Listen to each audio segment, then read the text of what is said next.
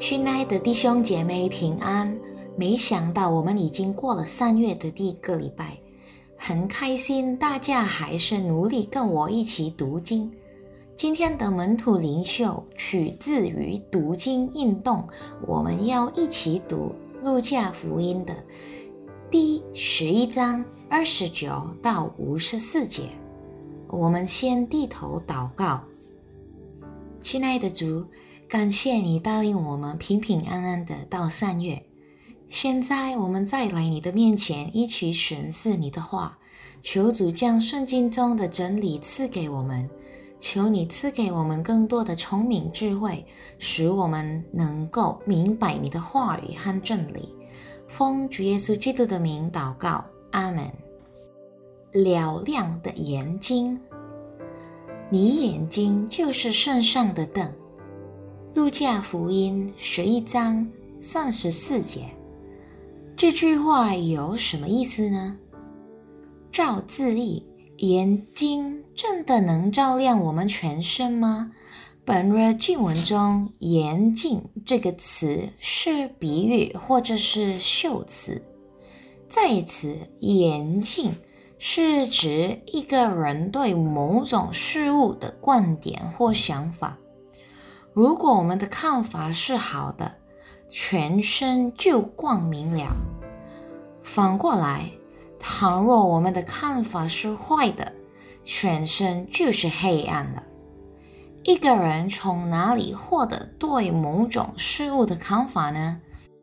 一个人的看法是从信心和灵敏的影响。假使一个人的信心正确，和灵敏良好，他的看法肯定是好的。反之，假如信心和灵敏不好的话，肯定他的看法是坏的。一个人对生活的观点能影响他的生活表现和态度。同样，肉眼的观点会影响到其他肢体的态度。好的观点将。产生好的行为，而坏的观点将使一个人的行为变成黑暗、变坏的意思。因此，主耶稣教导我们不要让里头的光黑暗了。什么会使我们里头的光变黑暗呢？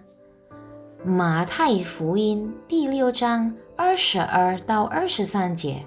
主耶稣阐明关于混化的眼睛和嘹亮的眼睛，两者决定对财宝的观点。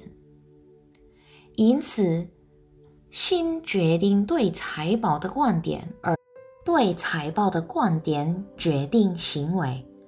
嘹亮的眼睛出自于侍奉上帝的心。而混化的眼睛来自于侍奉马门或财力的心。侍奉马门的心使一个人的眼睛混化，由于他认为财力是人生最重要的。这样的观点将造成恶劣的行为，因为人贪爱钱财就不敬畏上帝，并且无恶不作。相反的，侍奉上帝的人将拥有嘹亮的眼睛，原因是上帝得到成为明灯，照亮他的人生。您拥有什么样的眼睛呢？